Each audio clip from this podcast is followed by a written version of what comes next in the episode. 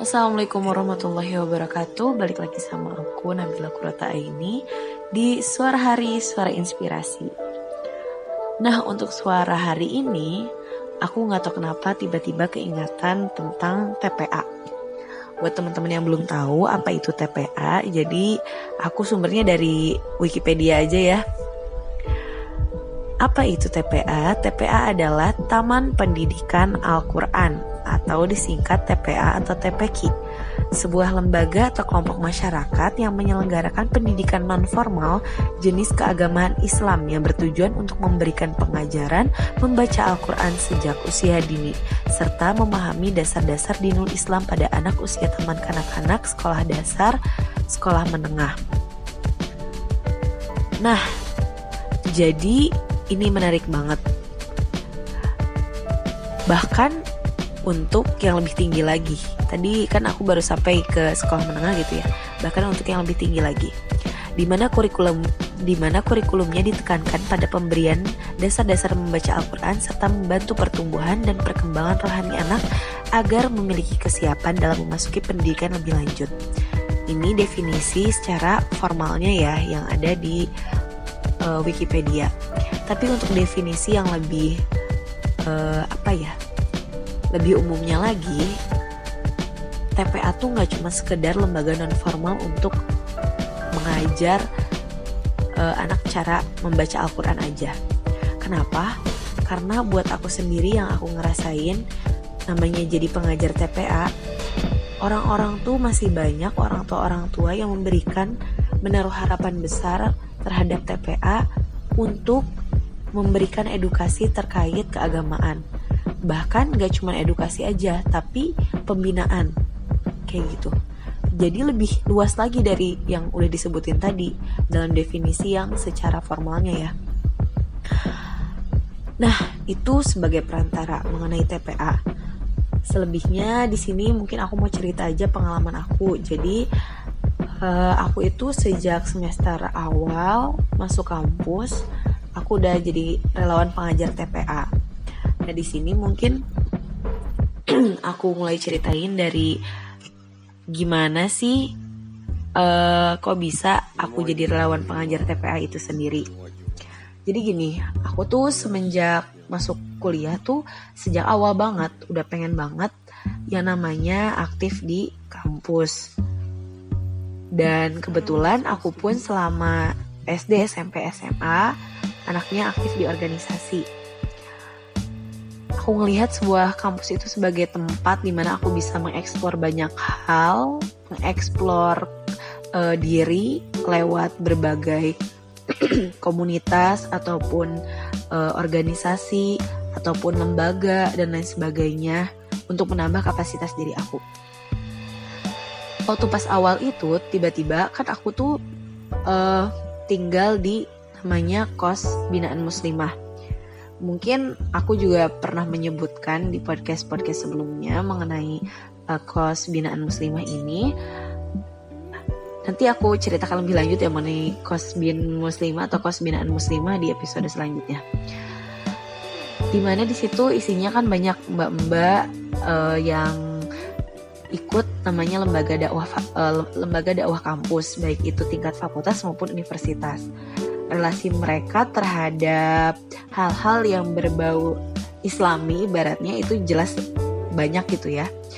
Dan di kampus aku pun ada namanya Lazis kalau teman-teman belum tahu Lazis itu adalah lembaga amal Lazis lembaga amal amil zakat infak sedekah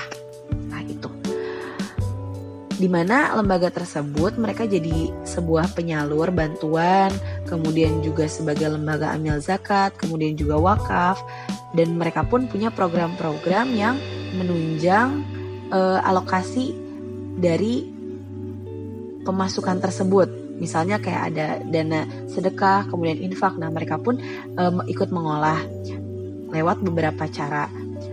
Salah satunya yaitu dengan adanya pembinaan TPA waktu itu balik lagi aku dapat informasi tuh dari mbak mbak kos.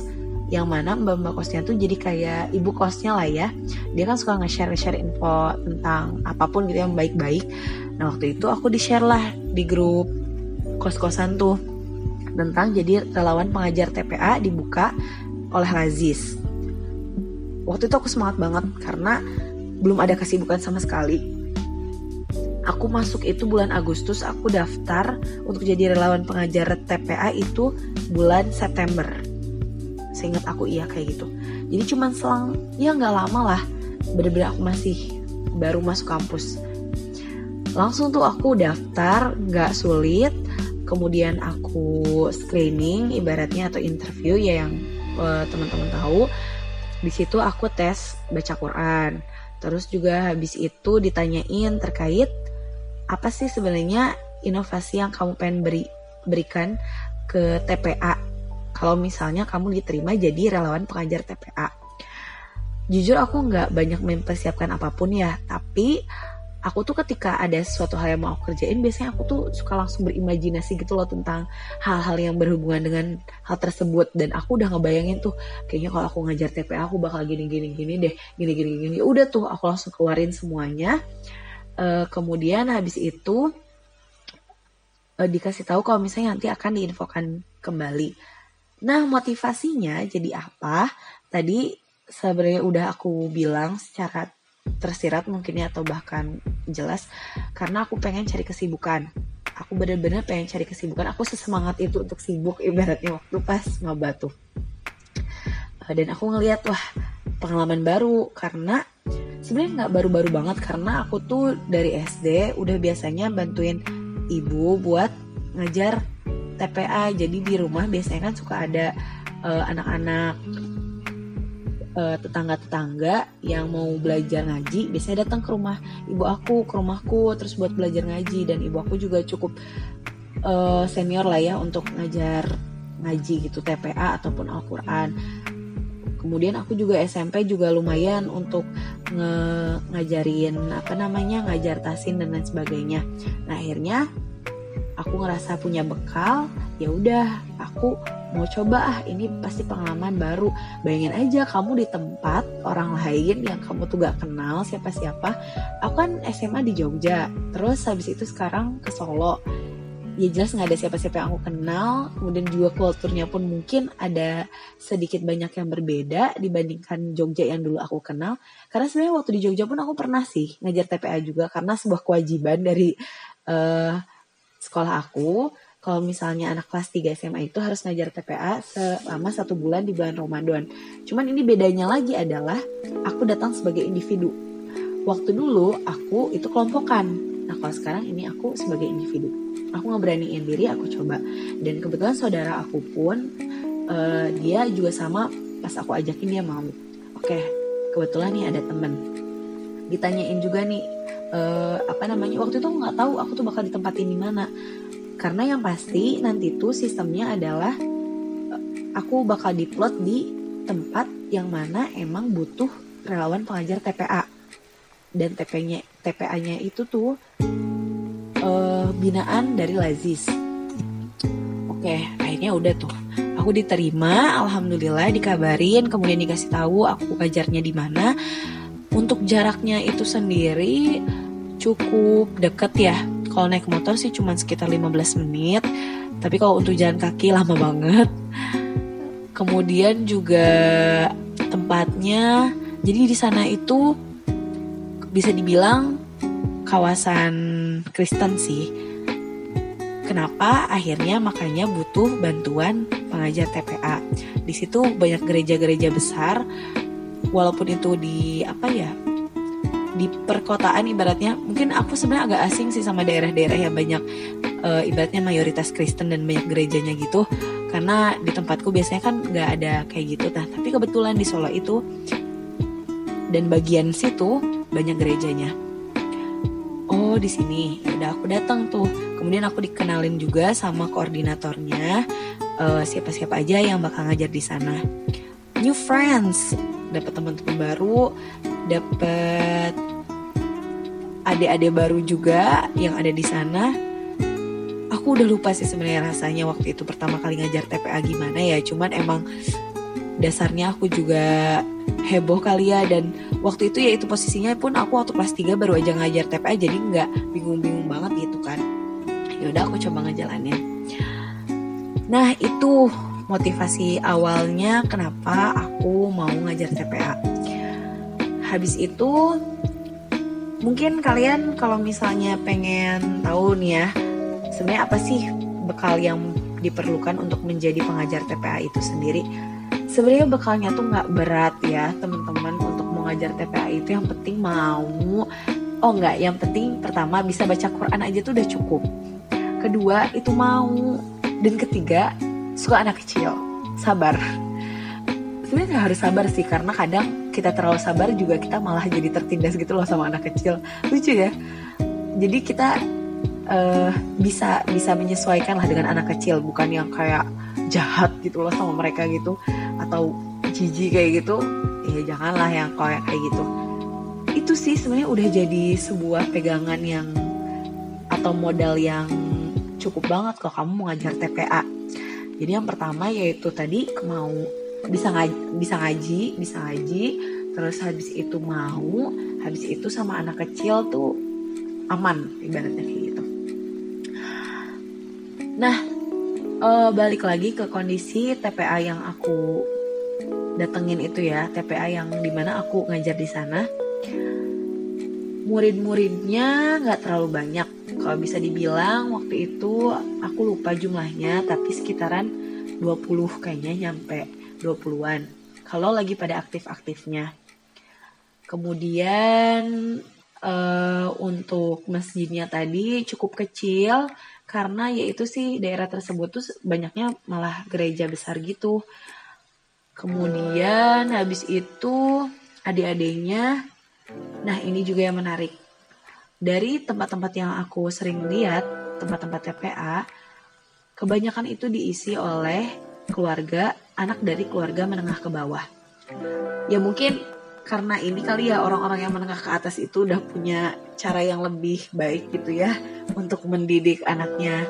Bukan cara yang lebih baik, ada jalan yang lebih baik yang mereka lakukan untuk mendidik anaknya dalam uh, pendidikan agama non formal ataupun mengajarkan Al-Qur'an.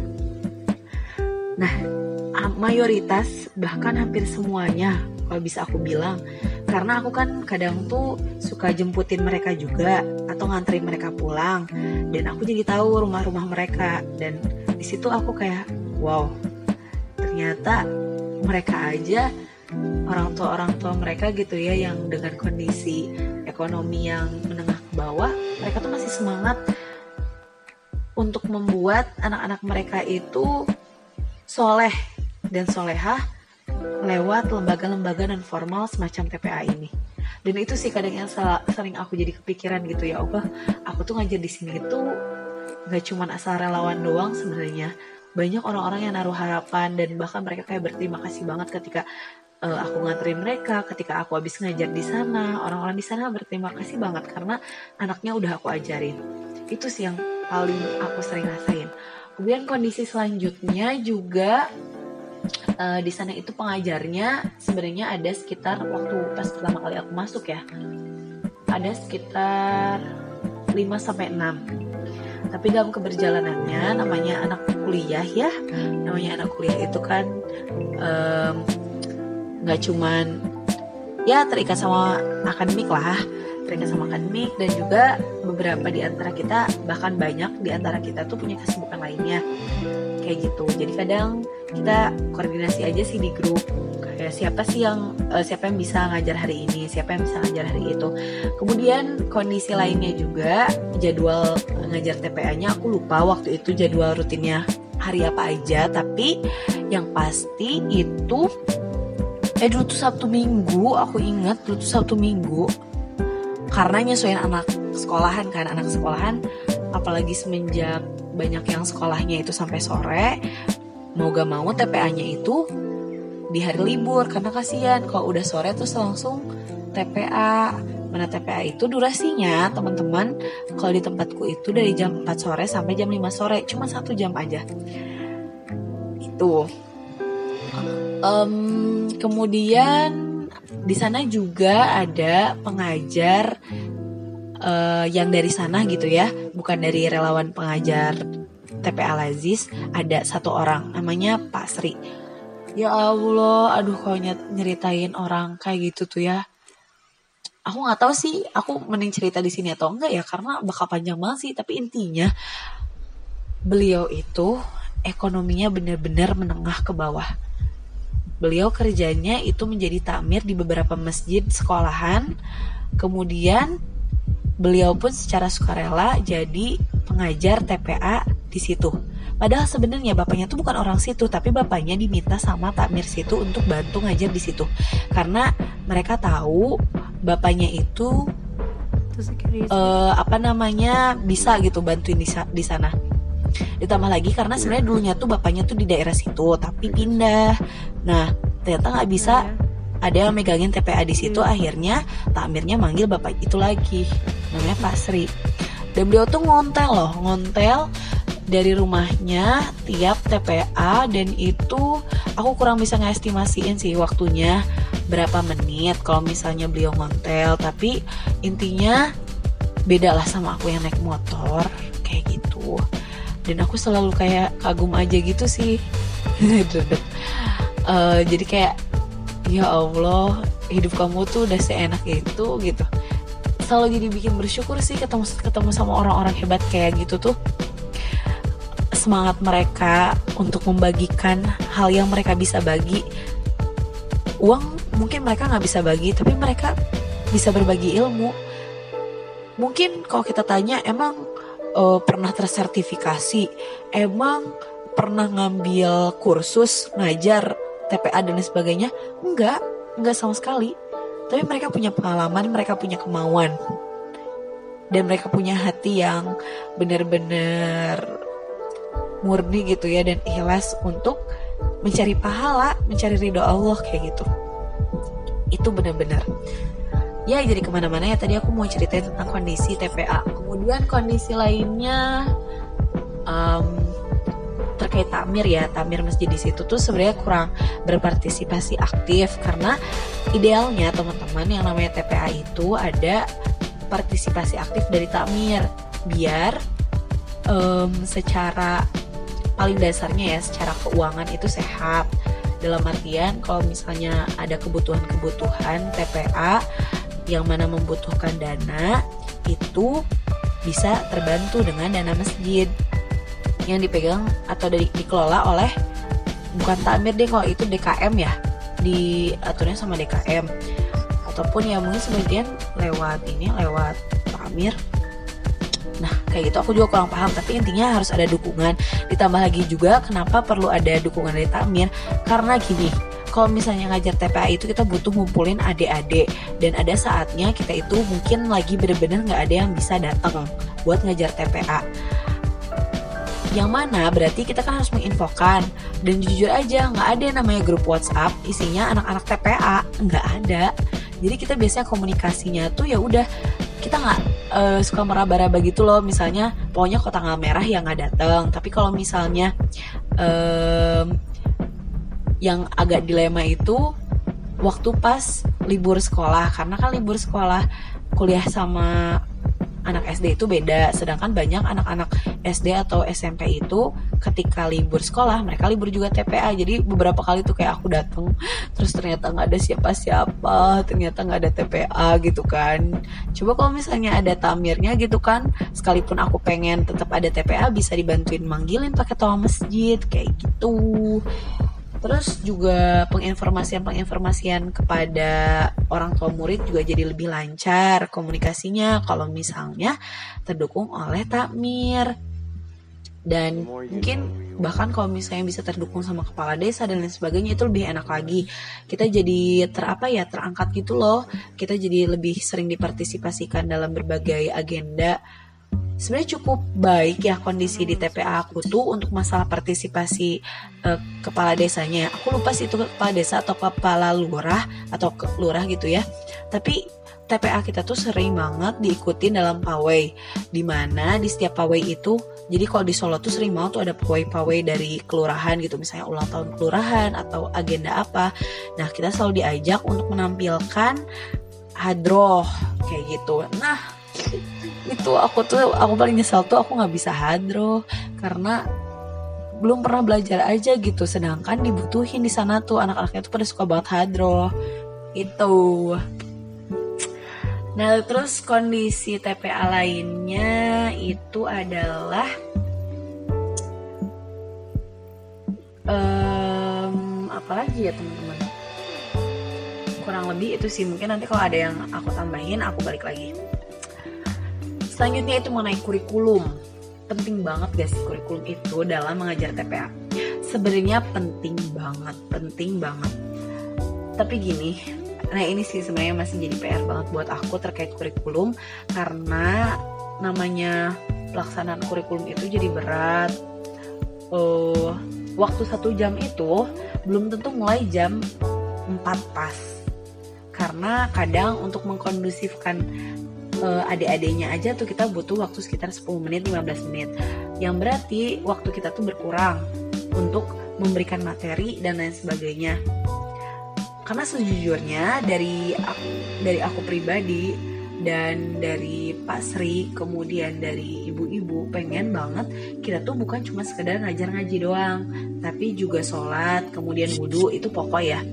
Terus juga pengetahuan Islam dasar doa-doa bahasa Arab terus juga apalagi ya uh, hadis kalau bisa asmaul husna terus juga kisah-kisah nabi terus juga adab-adab yang islami-islami kayak kayak gitu. Jadi sebenarnya banyak banget dan aku tuh pernah coba bikin kurikulum dan coba cari referensi ke teman-teman yang lain juga yang uh, mengelola TPA tapi itu susah banget realisasinya karena itu sih mungkin akunya juga yang masih belum banyak memfokuskan diri untuk ke situ. Akhirnya banyak uh, belum bisa terrealisasi dengan baik gitu masalah kurikulum. Padahal udah jadwalin tuh kayak hari apa ngasih tahu apa ngebahas apa itu udah jelas banget. Bahkan kayak misalnya bahasa Arab bahasa Arab tentang apa yang aku kasih tahu ke mereka. Kalau doa doa tentang apa yang aku bakal kasih tahu ke mereka. Terus juga hafalan Quran juga kayak gimana. Nah itu. Banyak banget agendanya sebenarnya TPA tuh. Tapi gitu durasi kita cuma satu jam.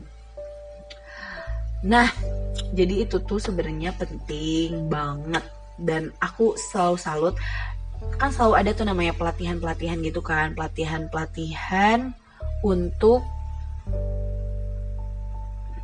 pelatihan-pelatihan TPA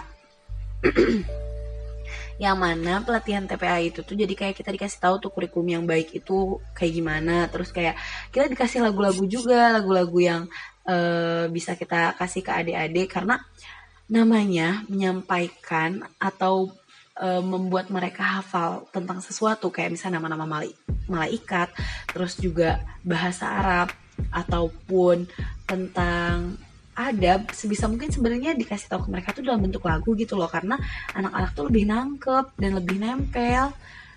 Kalian tahu ya pernah sering banget kejadian gara-gara adik-adiknya tuh gak hafal gak hafal hafal. Akhirnya aku tuh terpaksa bikin lagu. Di saat di saat itu juga bukan bikin lagu sebenarnya. Kalau melodi itu gampang banget karena uh, kalau musiknya tuh gampang banget. Kalian umumnya ya lagu-lagu kayak gitu tuh ngambil dari lagu balonku terus juga pelangi-pelangi bintang kejora terus habis itu apalagi burung kakak tua tapi saya bundar sama ya. Intinya pakai musik-musik atau melodi-melodi yang udah uh, familiar di, di telinga mereka, di telinga anak-anak terutama. Pakai lagu-lagu anak, tapi diganti liriknya. Nah kadang aku tuh harus tiba-tiba tuh bikin tuh liriknya diganti biar mereka hafal kayak gitu. Nah balik lagi ke kurikulum ya. Itu juga sebenarnya masuk ke kurikulum aku loh kayak uh, pengen nyampein setiap pekan itu uh, setiap kapan itu ada saatnya aku ngasih lagu ke mereka yang isinya tentang edukasi islami ataupun tentang bahasa Arab dan lain sebagainya lewat lagu tapi belum juga terrealisasi. Jadi mohon doanya teman-teman, semoga saya diberikan keistiqomahan dalam mengajar TPA karena ya gitu deh. Salah akunya sih. Nah, lanjut. Um, ada tambahan lagi juga. Apa yang perlu dipersiapin itu adalah balik lagi ya selain kurikulum tadi kan sebenarnya kurikulum tuh bagian dari apa yang perlu dipersiapin. Yaitu kalian harus memahami bahasa daerah teman-teman. Itu sangat penting apalagi kamu kalau misalnya anak perantauan kayak saya. Jadi beda banget. Namanya kita ngajar TPA apalagi di tempat yang masih apa ya tempatnya tuh masih bener-bener uh, kedekatan keakraban kekerabatan antar tetangganya itu kuat. Biasanya mereka kuat juga menggunakan bahasa daerahnya. Yang mana buat anak-anak itu kalau kamu nggak ngomong bahasa uh, mereka mereka tuh bakal kayak ngerasa asing gitu loh. Dan bahkan mereka tuh kadang malah jadi suka kayak ngebully kalian gitu loh. Kalau kalian ngomong itu pakai bahasa Indonesia. Karena ya gitu. Mereka kayak asing gitu loh. Tambah lagi bahkan ada adik TP aku tuh yang nggak bisa ngomong bahasa Indonesia coba jadi ngomongnya itu bahasa Jawa. Alhamdulillahnya aku itu udah cukup lama di Jawa jadi cukup bisa memahami bahasa mereka. Cuman untuk membalas atau kalau ngobrol gitu ya pakai bahasa Jawa itu tuh jujur aku belum bisa. Karena aku tuh orang Sunda asli guys tapi nggak apa-apa sih aku belajar dikit-dikit. Paling ya kayak bagian-bagian yang sopan-sopan yang kira-kira bisa uh, aku omong ya kayak enggak atau misalnya itu kalau misalnya ke orang tua sih kalau ke adik-adik uh, ojo ojo kayak ngono atau atau apalah gitulah yang umum-umum aja. Dan aku juga cukup berhati-hati kalau ngomong bahasa Jawa karena takutnya kan kasar. Ditambah lagi tuh anak-anak kecil tuh malah umumnya tuh ngomongnya tuh bahasa kasar gitu loh. Nah kadang aku yang masih miris dan aku nggak belum bisa mengkontrol sampai ke sana. Padahal mungkin kalau di pikiranku ya idealis idealisme aku sendiri tuh ya itu bagian dari tanggung jawab aku karena itu masalah perilaku juga. Yang mana di TPA tuh bisa loh kamu tuh bantu sampai ke sana sampai mengajarkan yang namanya adab dan lain sebagainya. Tapi aku belum bisa ngontrol sampai ke sana. Nah itu namanya bahasa daerah tuh penting banget. Selain ke adik-adiknya biar komunikasi kita enak juga sama orang tua murid um, gimana sih namanya kamu kalau misalnya pakai nggak bukan pakai bahasa daerah tuh kayak asing gitu kayak orang asing tau gak sih? Sedangkan terutama untuk kultur Jawa sendiri itu kan cukup ini ya cukup hmm, apa ya? Kayak bakal lebih nyaman aja gitu orang tuh ketika ngobrol sama yang sama-sama orang Jawa. Lebih nyambung terus juga lebih luas dan lain sebagainya. Kalau misalnya kamu ngomong bahasa Indonesia tuh jadi kayak kikuk gitu loh. Aku tuh pernah datang uh, mengadakan kayak rapat sama orang tua murid gitu kan orang tua murid TPA TPA aku. Nah aku menyampaikan tuh bener-bener pakai bahasa Indonesia karena aku nggak bisa. Responnya tuh beda sama ketika koordinator aku yang orang Jawa menyampaikan dengan bahasa Jawa. Dan itu kayak lebih luas banget ya jelas lah ya. Kemudian responnya juga mereka lebih partisipatif gitu kan. Lebih responsif. Tapi kalau misalnya sama aku tuh kayak kikuk gitu loh. Itu sih yang perlu kalian ketahui. Dan kultur itu juga penting. Jadi bagian dari bahasa juga ya. Kita harus paham kayak kultur di sana tuh kayak gimana sih? Hal apa yang common buat mereka? Hal apa yang asing buat mereka? Hal-hal yang menurut kita seru tapi itu nggak common nggak umum gitu di mereka itu nggak akan jadi seru dan malah jadi kayak salah sasaran gitu loh. Nah itu jadi penting juga teman-teman buat ngajar TPA tuh.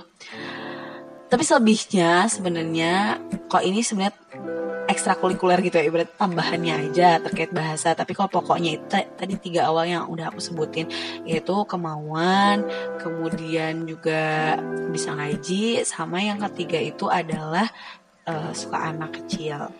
Gitu pembahasan lebih lanjutnya mungkin aku bakal sekalian ceritain aja juga ya mengenai tiga hal ini. Tadi belum sempat nggak apa ya lompat-lompat biar nggak bosan pembahasannya jadi nggak ada yang lebih karena pikiran akunya juga sih yang lompat-lompat.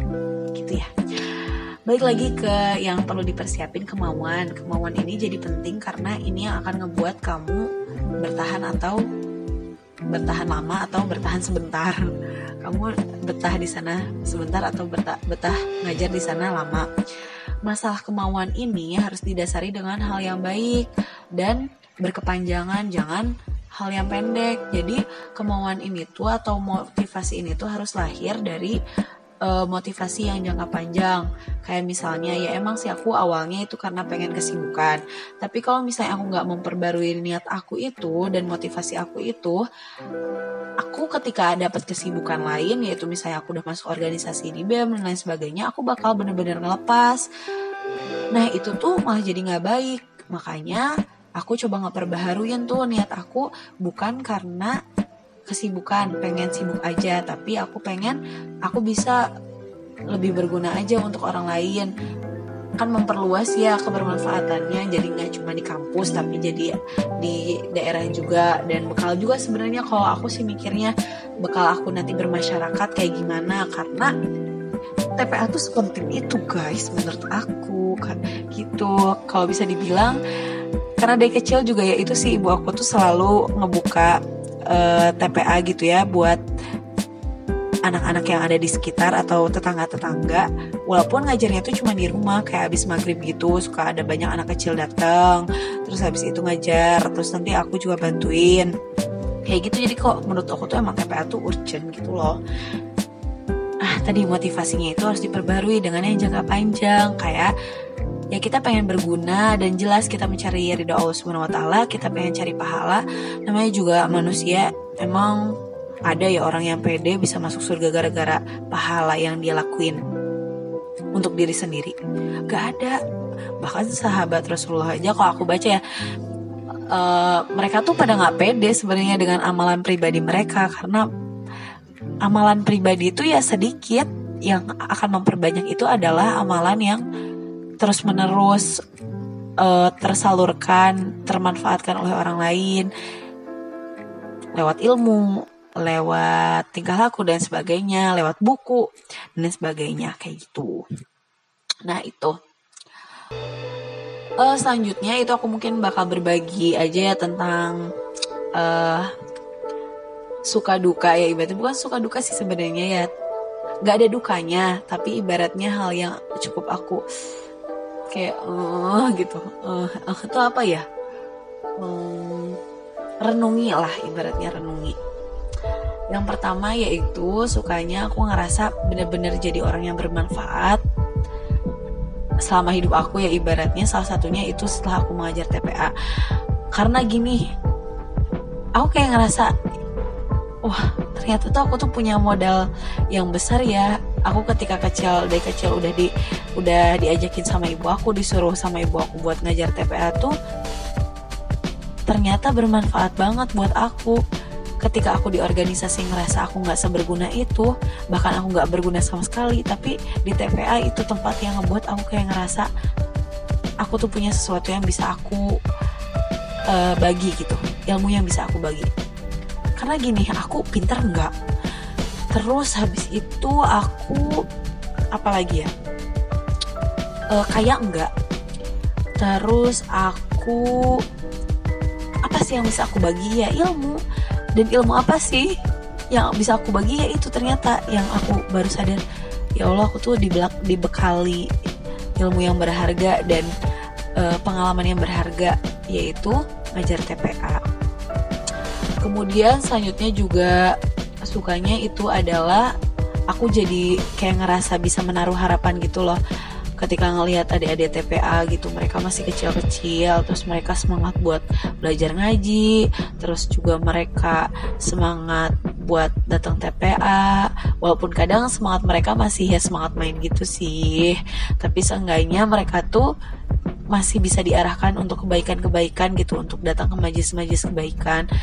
Dan itu benar-benar healing kayak healing atau pengobatan gitu ya pengobatan buat aku. Karena semenjak kuliah pun cukup banyak hal-hal yang aku temui mengenai kehidupan ini gitu ya yang mana aku kayak ngerasa ya Allah jangan sampailah orang tuh kayak gitu. Kok orang kayak gitu sih? Kok orang kayak gini sih? Ya Allah kan muslim dan lain sebagainya. Tapi ketika aku ngeliat mereka tuh kayak tenang gitu. Bukan tenang juga sih tapi kayak wah harapan itu tuh masih ada gitu masa depan Islam itu masih ada masih banyak juga anak-anak yang mereka masih semangat untuk mempelajari agamanya. Mereka terbina sejak kecil gitu. Itu yang bener-bener kayak aku rasain. Uh, apalagi aku tuh paling sedih ya kalau misalnya jujur aku tuh pernah bener-bener nangis senangis nangisnya gara-gara waktu pas aku masih maba gitu ya. Nggak maba banget sih. Ngelihat anak kecil ngerokok itu aku bener-bener nangis. Karena tuh semengerikan itu sih aku nggak nyangka ternyata aku ketika ngeliat kayak gitu aku bener-bener se shock itu. Terus aku sampai nangis di tempat. Dan itu jadi pukulan yang kencang banget sih buat aku. Ya Allah harapan apa ya orang-orang yang bakal meneruskan masa depan gitu kan masa depan Islam masa depan Indonesia ada yang kayak gini gitu karena alhamdulillah emang hal yang benar-benar aku syukuri banget. Aku tuh nggak pernah ada di lingkungan yang kayak gitu. Yang mana akhirnya benar-benar ketika hal itu terjadi itu benar-benar jadi sebuah tamparan gitu buat aku.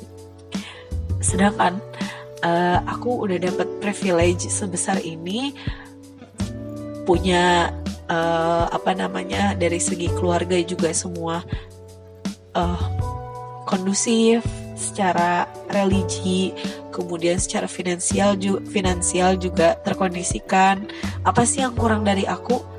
Lah kamu mau diem aja ngeliat hal kayak gitu? Ya kali Allah ngasih privilege ke kita tuh ngasih gitu aja. Enggak nggak sama sekali. Karena yang namanya ketika kita dikasih kelebihan sama Allah yaitu untuk dibagikan kepada orang yang membutuhkan. Aku ngerasa ya lewat ngajar TPA ini gitu aku jadi ngerasa uh, apa ya ya aku bisa berguna untuk anak-anak kecil untuk apa ya untuk masa depan umat ibaratnya kayak gitu. Kalau bahasa ini ya tapi padahal mah ya intinya aku seenggaknya aku punya partisipasi gitulah. Karena sesedih itu ketika ngelihat anak kecil gitu ngerokok atau misalnya anak kecil yang pacaran kayak gitu itu ngiris-ngiris batin banget gitu rasanya. Karena aku aku nggak pernah di tempat kayak gitu gitu. Dan aku tahu namanya anak kecil ketika ngelakuin hal kayak gitu pengaruh terbesarnya tuh dari mana? Ya pasti. Bukan dari diri mereka sendiri. Mereka mah anak polos. Tapi pengaruh-pengaruh lingkungannya uh, keluarganya lingkungan mainnya dan lain sebagainya. Aduh maaf ya guys. Ah itu. Uh, jadi di situ sih aku jadi kayak ngerasa punya harapan dan ngerasa punya kontribusi untuk anak-anak untuk masa depan gitu ya. Kemudian juga habis itu um, bikin ngedoain gitu loh mereka tuh ketika aku ngelihat mereka. Kan sebenarnya gini ya aku pernah baca juga ketika kita masih berdoa untuk diri kita sendiri ya itu tuh umum gitu loh. Maksudnya semua orang juga ya berdoa untuk diri sendiri apa spesialnya. Tapi ketika kita udah di uh, kita udah sampai di titik di mana kita lebih sering mendoakan orang lain dibandingkan diri kita kita lebih memikirkan orang lain daripada diri kita berarti kita udah di, di level yang berbeda. Kita sudah di level meneladani Rasulullah karena Rasulullah itu lebih banyak mendoakan umatnya gitu ibaratnya dibandingkan mendoakan dirinya sendiri. Nah itu sih yang kemudian aku ngerasa dengan aku ngajar TPA ini aku jadi lebih sering ngedoain orang lain juga.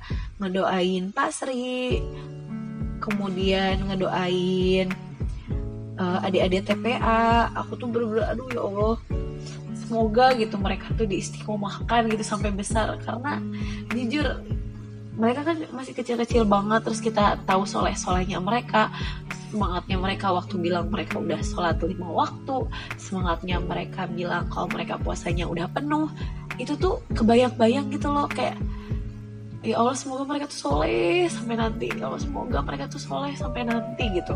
Semoga mereka dipertemukan sama lingkungan lingkungan yang baik semoga mereka uh, apa namanya mendapatkan pendidikan yang baik. Uh, maaf ya guys. Maaf maaf, maaf. Uh, semoga mereka tuh punya masa depan yang baik dan lain sebagainya. Jadi kayak bikin doa gitu. Bikin doain mereka. Itu sih yang aku seneng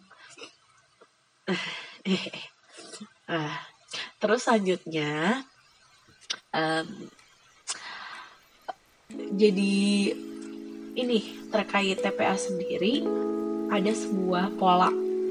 Polanya itu adalah kebanyakan anak-anak yang mau ngaji di TPA itu cuman umur TK lah ya. TK tuh nggak banyak. Biasanya TK-TK yang udah mau masuk SD sih yang udah yang banyak tuh. Karena kalau TK-TK belum masuk SD kan belum bisa banyak bicara juga ya. Biasanya masih cuma ikut-ikut dulu aja. Um, paling banyak itu yang kayak TK udah mau SD kemudian kelas 1 kelas 2 kelas 3 paling banyak ya tadi TK udah mau SD kelas 1 kelas 2 kelas 3 kelas 4 nah biasanya udah kelas 5 udah kelas 6 tuh udah mulai jarang. Apalagi SMP ya Allah udah nggak ada. Itu tinggal satu orang dan itu udah makin jarang karena dia malu. Dia malu yang datang TPA kan anak SD semua uh, aku jadi mikir sih ya tadi. Pembinaan di TPA itu nggak bisa cuman untuk anak kecil doang karena sebenarnya kalau kita jujur-jujuran juga ya pembentukan uh, idealisme atau nggak sampai idealisme lah ya pembentukan prinsip-prinsip hidup itu belum lahir ketika kita masih sekecil itu ibaratnya. Waktu kecil tuh bahkan banyak orang-orang yang udah gede tuh ya lupa masa kecilnya gitu. Sedangkan kita nggak pengen dong terutama aku juga sebagai pengajar TPA nggak pengen mereka tuh aku ajarin cuman untuk waktu kecil doang gitu tapi nggak berefek ketika mereka besar. Dan itu salah satu yang ngebuat aku termotivasi untuk terus berusaha membina orang lain. Karena um, pembinaan yang cuman di saat kecil doang itu tuh nggak begitu banyak berpengaruh besar gitu ke mereka ketika besar. Namanya pembinaan tuh harus kontinu harus terus-terusan. Aku juga Nah ini juga aku masih belum bisa mengkondusifkan. Harusnya itu kan ketika anak-anak SMP mereka tuh bisa tetap aku bina, tetap aku pantau, disemangatin anak-anak SMP lainnya biar uh, tadi temen eh biar anak yang SMP itu nggak ada yang ngerasa sendirian gitu ketika datang ke TPA dan kebutuhannya tuh akan beda gitu loh anak SD, anak SMP, anak SMA itu kebutuhan uh, akan TPA-nya tuh jadi beda. Nggak mungkin kan anak SD SMP SMA itu butuhnya tentang tentang baca Quran doang. Bahkan bisa jadi anak-anak kelas 4 itu udah pada bisa lancar ngajinya. Tapi kebutuhan mereka itu jadi jauh lebih berbeda dan hal-hal ini juga yang malah lebih banyak berpengaruh ke prinsip-prinsip mereka pemahaman mereka tentang berkehidupan gitu ya. Ibaratnya prinsip-prinsip Islam yang harus mereka punya itu ter tertanamnya tuh pembinaan ketika mereka di jenjang yang lebih tinggi nggak di SD bahkan ya di SMP tuh biasanya kalau perempuan nih sih ya udah mulai itu. Karena kalau perempuan kan dewasanya itu uh, relatif lebih cepat ya. Nah, aku pun sama sih waktu itu. Saya udah mulai punya prinsip-prinsip kayak gitu tuh ketika SMP. Nah, aku jadi hikmahnya atau sukanya aku ketika ngajar di TPA itu aku jadi terbus untuk uh, berusaha membina uh, orang dari umur mana pun, range umur berapapun ibaratnya kayak gitu. Nggak terbatas di SD doang. Bahkan kalau aku bisa tuh kayaknya tuh pengen ya Allah mereka nanti ih pengen aku tetap pantau gitu. Pengen tetap aku tanyain dan lain sebagainya. Mereka di SMP-nya kayak gimana dan lain sebagainya. Tapi kayak itu belum bisa memungkinkan. Harapannya ketika aku mungkin belum bisa membina mereka sampai mereka besar pun aku bisa terus berusaha ngirimin doa gitu. Itu sih yang yang aku senang atau aku sukanya ketika ngajar TPA Terus habis itu juga sukanya lagi karena aku itu suka anak-anak kecil. Jadi kalau aku ngajar TPA tuh tau gak sih kayak kayak ketemu sama teman-teman. Sebenarnya kalau kalian ngeliat aku ngajar TPA kayaknya kayak ini deh kekanak-kanakan gitu deh. Tapi aku tuh senang gitu loh kayak misalnya ya kadang aku tuh suka terbawa suasana ketika mereka lari-larian tuh kadang aku ikut lari-larian gitu kadang kalau mereka lagi main apa gitu aku ikutan main. Karena ya kayak seru aja gitu. Aku tuh suka suka sama uh, ngeliat keceriaan anak-anak kecil. Kayak mereka tuh tanpa beban. Terus habis itu juga mereka tuh kayak ya gimana sih kayak ngebuat kita ikut ceria juga gitu. Jadi aku seringnya tuh ikut ikutan kadang juga aku suka mangku mangku jadi tau gak sih mangku tuh apa ya? Iya aku suka mangku mangku uh, anak kecil gitu aku peluk pelukin kayak. Terus juga abis itu aku aku angkat angkat aku lempar lempar itu seneng banget. Karena lucu aja mereka suka ketawa suka ketawa. Apalagi tuh ngadepin anak-anak yang cowok tuh ya Allah. Aku seret tuh mah. Aku seret beneran kalau misalnya mereka udah bener-bener nakal. Tapi aku tuh nggak pernah marah.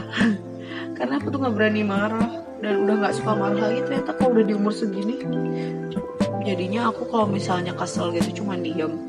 Dan kadang ya Allah kita aja yang gede kalau misalnya kesel tapi nggak ngomong gitu belum tentu orang yang dikeselin sadar ya nggak? Apalagi anak kecil. Dan kadang aku kayak gitu gitu loh. Dan makin kesel akhirnya ih nggak sadar sadar aku lagi kesel gitu ibaratnya ke anak kecil. Dan ya udah itu sebuah hal yang salah yang telah aku lakukan. Jadi kalau misalnya ke anak kecil tuh harusnya nggak kayak gitu sama ini juga. Dari situ dari dari aku sering menghadapi anak kecil aku tuh jadi bener-bener pengen belajar sih namanya cara berinteraksi sama anak kecil tuh harus kayak gimana hal-hal yang perlu diperhatikan apa hal-hal yang mereka suka itu apa kemudian kayak bagian pertumbuhan apa yang jadi kayak kan misalnya tiap umur itu ada sisi-sisi keemasannya mereka gitu ya yang baiknya tuh kalau umur segini bagian ininya yang dikembangkan. Jadi harus lebih sering ada kegiatan ini kegiatan itu dan lain sebagainya. Itu terus uh, sedangkan aku kan nggak punya basic apa apa ya. Aku sampai mikir ih enak kali ya jadi guru jadi anak pendidikan PAUD atau PGSD tahu caranya psikologi psikologi anak bisa mengontrol mengendalikan anak-anak gitu kan hebat karena anak-anak tuh kalau misalnya udah nurut itu tuh lucu banget. Bahkan tuh ada nih cerita. Satu kali itu uh, ada anak yang berantem kan. Mereka emang seumuran cowok-cowok. Terus habis itu selain kayak gitu kalau cowok-cowok tuh kalau anak kecil ya cowok-cowok mereka berantem fisik tuh uh, marahnya nggak akan uh, kalau mereka marah itu nggak sebesar ke kesalahan mereka ketika mereka nangis waktu itu ada satu anak ngelakuin kesalahan bukan berantem deh iya. berarti waktu itu lagi lomba gitu lagi lomba kok nggak salah lagi lomba habis yeah. itu si anak laki-laki ini tuh bikin iya. kesalahan yang bikin dia nangis itu adalah orang-orang pada nyalahin dia. Nah itu tuh aku tuh suka kesel. Budaya-budaya kayak gini di anak kecil yang jelek banget tuh ya bullying itu pasti aku langsung kayak eh udah udah udah udah nggak apa-apa nggak apa-apa nggak apa-apa. Pasti langsung tenangin gitu loh karena orang tuh kalau bikin kesalahan ya bukan di kayak gitu ya dia nggak sih? Tapi kalau itu nggak sengaja ya kita uh, buat keadaan itu tuh yang nggak masalah gitu loh. Maksudnya kalau disengaja loh ya ketika itu disengaja tadi nggak disengaja. Ketika itu disengaja ya kita ingetin dengan baik dan bukan marahin. Anak kecil mah di kayak gituin ya kali malah jadi makin kasihan. Ya nggak sih? Kadang kita orang-orang gede yang pernah ngerasain jadi anak kecil juga sama aja nggak sadar-sadar padahal dulu waktu kecil kayaknya kita nggak suka di kayak gituin tapi ternyata waktu gede nggak kayak gituin anak kecil juga. Habis itu dia tiba-tiba nak dia tiba-tiba nangis. Nah, so aku samperin, udah nggak apa-apa, nggak apa-apa, nggak apa-apa. Dia meluk aku, seneng banget sih karena dia tuh kan kayak anak cowok yang uh, apa ya, yang suka gengsi-gengsi gitu loh. Kalau misalnya kangen sama aku juga tuh misalnya aku udah dua pekan gak datang TPA gitu kan. Terus dia tuh kalau ngeliat aku tuh kayak seneng banget gitu kayak mau nyamperin tapi itu gak kayak gengsi gitu loh kan lucu ya. Tapi aku langsung godain gitu. Nah itu tuh kayak meluk gitu terus aku nih ya Allah anak kecil lucu banget sih kalau misalnya nurut ya Allah gitu. Nah yang selanjutnya dan yang mungkin yang terakhir tentang hal-hal yang aku suka. Sebenarnya masih banyak banget hal-hal yang aku suka dengan ngajar TPA itu. Uh, cuma mungkin untuk di sini segitu uh, nggak semuanya lah ya aku ceritain ya selanjutnya itu agenda main-main jadi seneng banget ya kalau misalnya di TPA itu. Tadi selain aku suka ikut nimbung-nimbrung sama mereka tapi aku juga uh, sering mengadakan agenda-agenda bermain. Itu karena akunya deh kayaknya suka yang kesenangan. Kayak misalnya di agenda TPA itu biar nggak bosan kan anak-anaknya nggak jenuh ada nonton film nonton film islami gitu tentang kisah-kisah nabi uh, atau enggak kita senam bareng atau enggak kita lomba. Lomba biasanya lombanya lomba gambar atau misalnya lomba estafet lomba la nggak lomba lari sih. Lomba apa ya? Lomba mewarnai. Ya yang simpel-simpel lah. Nah ini juga karena anak kecil itu suka banget main. Dan sering tuh ada masanya di mana aku tuh harus ngajar sendirian dan mereka tuh pada mogok gak mau ngaji. Dan kalian tahu kalau misalnya kondisi itu udah terjadi apa yang harus aku lakukan? Aku harus membuat game di saat itu juga. Entah apa pun itu aku kayak langsung mereka kan pasti pada ngedemo-demo gitu ya ya Allah tuh demo. Mbak pokoknya main mbak pokoknya main mbak pokoknya main. Iya ngaji dulu. Enggak pokoknya main. Kayak gitu coba pakai bahasa Jawa lagi. Nah habis itu kan nggak mungkin nggak ngeiniin ya. Sayang juga waktunya ya udah mending uh, apa namanya ya udah main aja lah. Lagian juga kan nggak sesering itu ya main.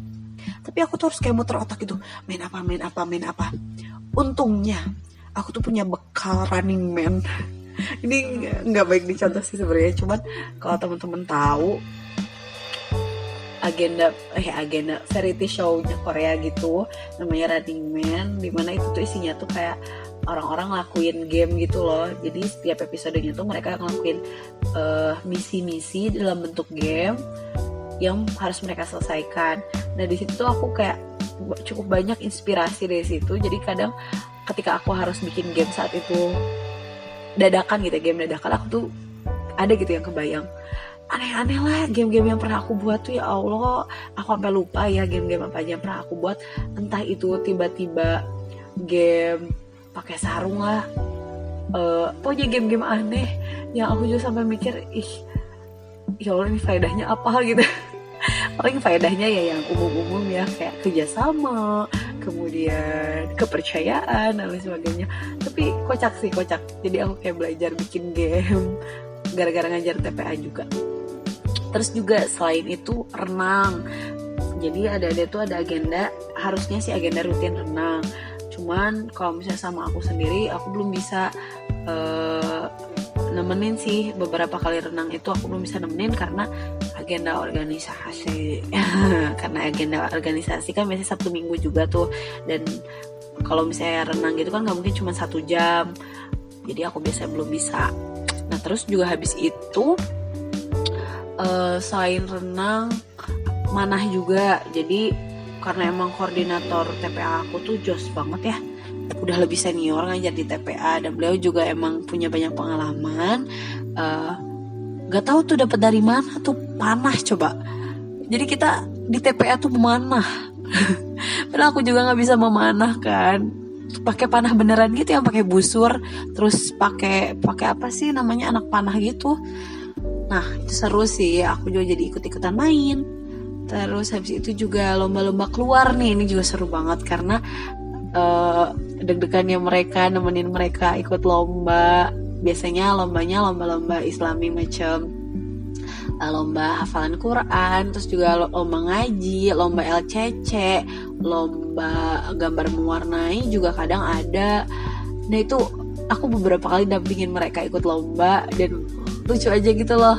Seneng aja gitu nemenin anak-anak lomba tuh. Mereka deg-degannya gimana? Mereka cerita lawannya siapa? Mereka cerita mereka oh, gak bisa jawab apa mereka nggak bisa apa mereka mindernya gimana lawannya gimana. Banyak banget yang mereka ceritain kalau misalnya udah lomba kayak gitu.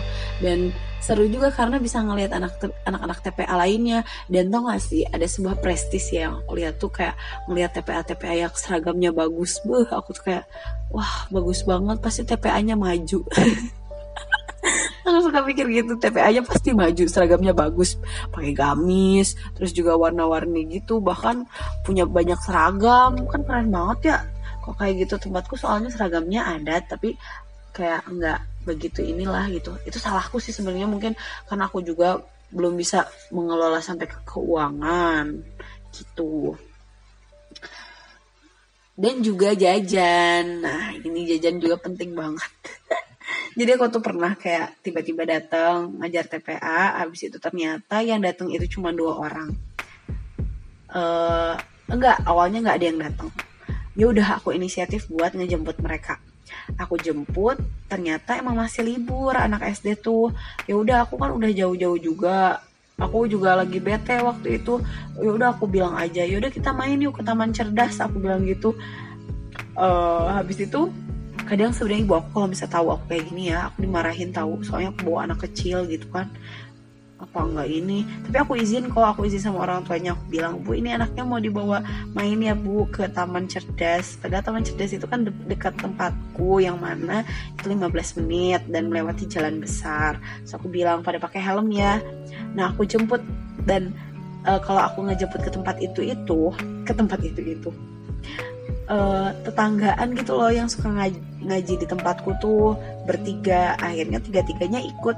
Jadi aku ngebonceng tiga anak kecil. Kemudian kita ke taman. Habis itu mereka sebenarnya udah seneng seneng aja datang ke taman. Tapi inisiatif jajan tuh aku gitu. Ya ayo pada mau jajan nggak? Mbak jajanin. Itu jajan aja jajan. Mereka tuh nggak mau. Tapi aku yang maksa jajan yuk jajan jajan. Terus aku yang jajannya paling banyak akhirnya itu. Sebenarnya modus sih kayaknya aku tuh ya. Modus uh, pengen jajan-jajan gitu. Jadinya ngajakin orang jajan juga. Dan apa ya jalan-jalan juga gitu. Kayak aku yang modus gitu. Aku yang pengen jalan-jalan tapi mereka mah ya enggak. Dan senang gitu ngeliat kalau anak kecil dijajanin tuh kayak bahagia banget. Padahal kita mah ngasihnya cuma berapa ya buat diajarin anak kecil tuh paling yang lima ribu paling gede sepuluh ribu gitu kan. Bahkan seringnya kurang dari itu. Nah itu sih. Itu senangnya. Um, terus selanjutnya udah panjang lebar banget ya aku cerita tentang TPA dan mungkin masih bakal lebih banyak lagi sih hal yang bisa aku ceritain. Nah mungkin ini selanjutnya aku cerita tentang dukanya. Duka duka bukan duka sih. Tadi ya hal-hal yang aku cukup ratapi gitu. Itu kondisi uh, adik-adik sih terutama mereka pada menengah ke bawah. Kemudian habis itu beberapa juga mereka bahkan secara kondisi keluarganya itu nggak kondusif gitu loh. Jadi pernah tuh waktu itu ada ada aku tuh dia aku anterin baru pertama kali aku anterin dan dia juga anak baru kan.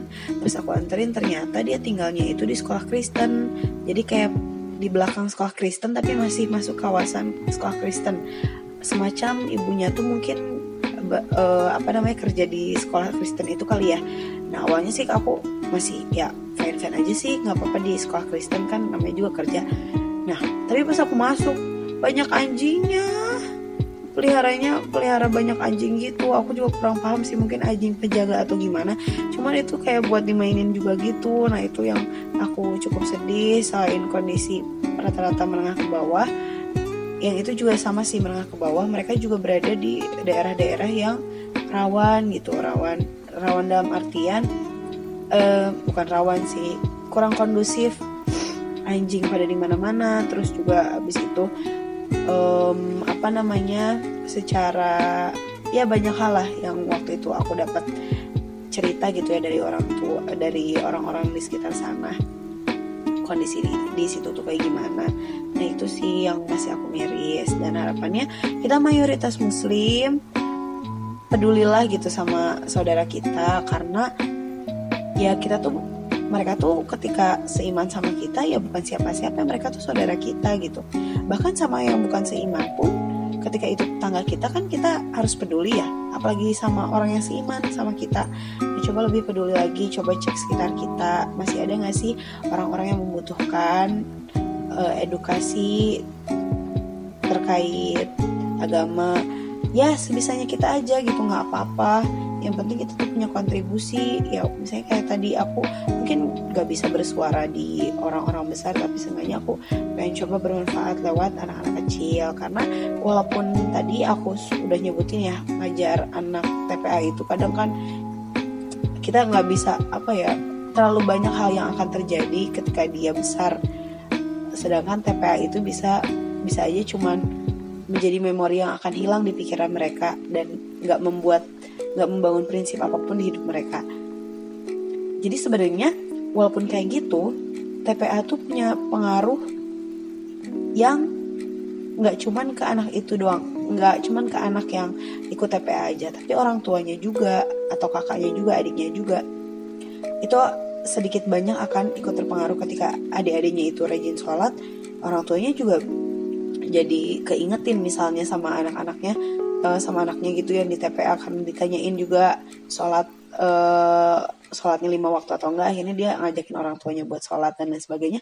Itu pengaruh juga loh. Gitu. Contoh kecilnya lah ya. Uh, habis itu juga selanjutnya uh, aku yang agak sedih tuh agak miris belum bisa fokus dan serius sih buat selama ini ngajar TPA karena mungkin aku juga belum bisa benar-benar menjadikan prioritas kali ya untuk ngajar TPA itu sendiri. Tapi aku nggak pernah put eh, maksudnya aku alhamdulillah sampai sejauh ini aku udah tiga tahun ngajar di TPA aku nge dan nggak ada niatan sama sekali untuk keluar.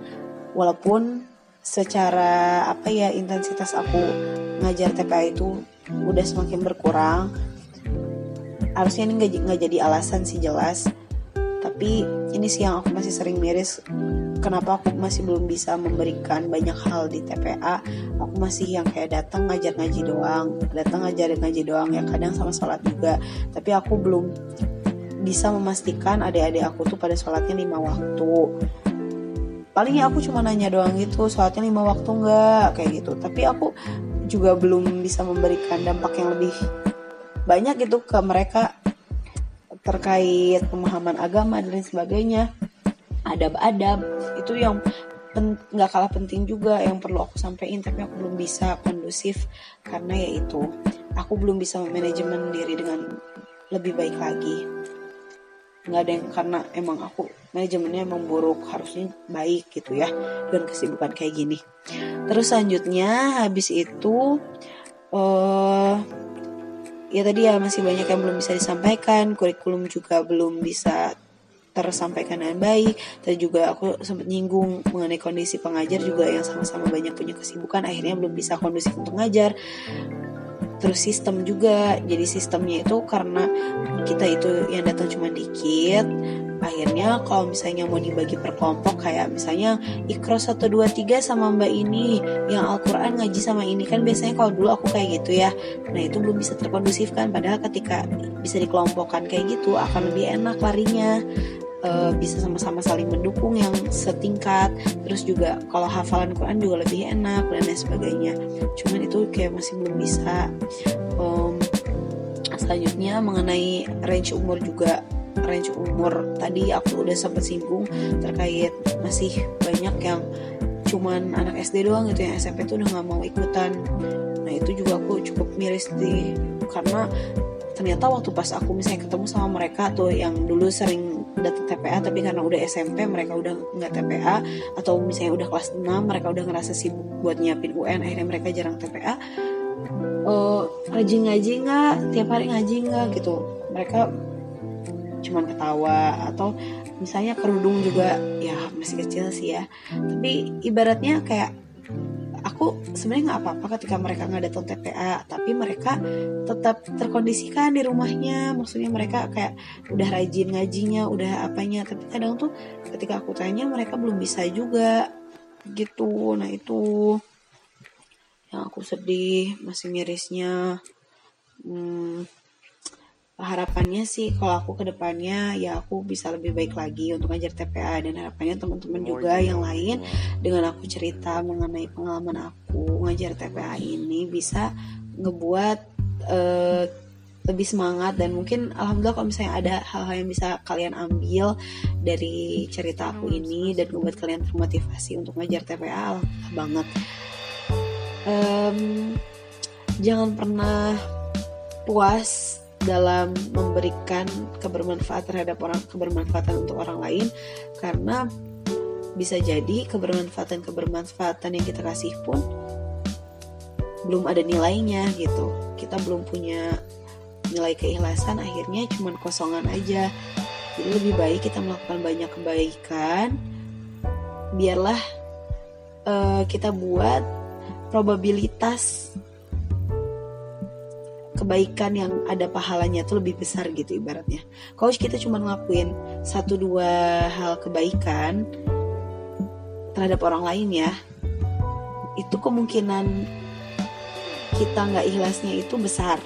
Tapi kalau misalnya kita ngelakuin banyak kebaikan, kemungkinan ada yang ikhlasnya itu lebih ada gitu, lebih mungkin. Nah itu sih kalau misalnya coba aku jadi pegang. Um, semangat. Pokoknya buat teman-teman kalau kalian bisa ngaji ayo minimal minimal coba uh, lihatlah sekitar kalian sekitar sekitar rumah. Sebenarnya aku tuh pengen banget juga pengen banget rasanya cuman ya itu masih berupa wacana dan aku coba belum tahu ke depannya gimana. Uh, untuk kos binaan-binaan muslimah gitu yang ada di sekitar kampus atau sekarang udah ganti jadi rumah bina karakter pada bisa ngajar TPA masjid-masjid terdekat. Karena kan kita juga menyatu dengan masyarakat tuh. Nah aku tuh pengen sebenarnya bisa kayak gitu. Jadi kita dekat sama masyarakat dekat sama adik-adik di dekat kos-kosan kita. Nah gitu. Uh, dan terkait regenerasi ini juga jadi penting banget. Harapannya tuh ketika kita berada di suatu tempat dan ini masih jadi PR besar banget buat aku. Karena ketika aku ngajar di sana kan aku nggak mungkin ngajar selamanya ya. Aku juga paling cuma sampai lulus kuliah doang bisa ngajar TPA di sana. Aku harus mengkader aku harus menyiapkan siapa yang bisa mer uh, harus adanya regenerasi pengajar lewat orang-orang atau alumni-alumni atau anak-anak gede yang dulu pernah ngajar TPA juga di situ. Jadi mereka balik lagi untuk mengajar. Nah itu penting banget dan ini yang sering miss yang sering hilang gitu ketika udah kita ngajar-ngajar tapi nggak ada pengkaderan ya udah akhirnya kita pergi ya bubar ibaratnya kayak gitu. Nah itu jadi penting banget. Harapan besar aku buat TPA gitu teman-teman. Mungkin sekian dulu aja cerita dari aku. Ya tadi balik lagi ya muter-muter emang. Semoga banyak eh, semoga ada manfaat-manfaat yang bisa kalian ambil dari cerita aku ini. Semangat terus. Fastabikul khairat hmm, mohon maaf atas segala banyak banyak banyak banyak kekurangan yang baik-baiknya diambil yang jelek-jeleknya dibuang. Ketemu lagi di podcast selanjutnya. Bye bye wassalamualaikum warahmatullahi wabarakatuh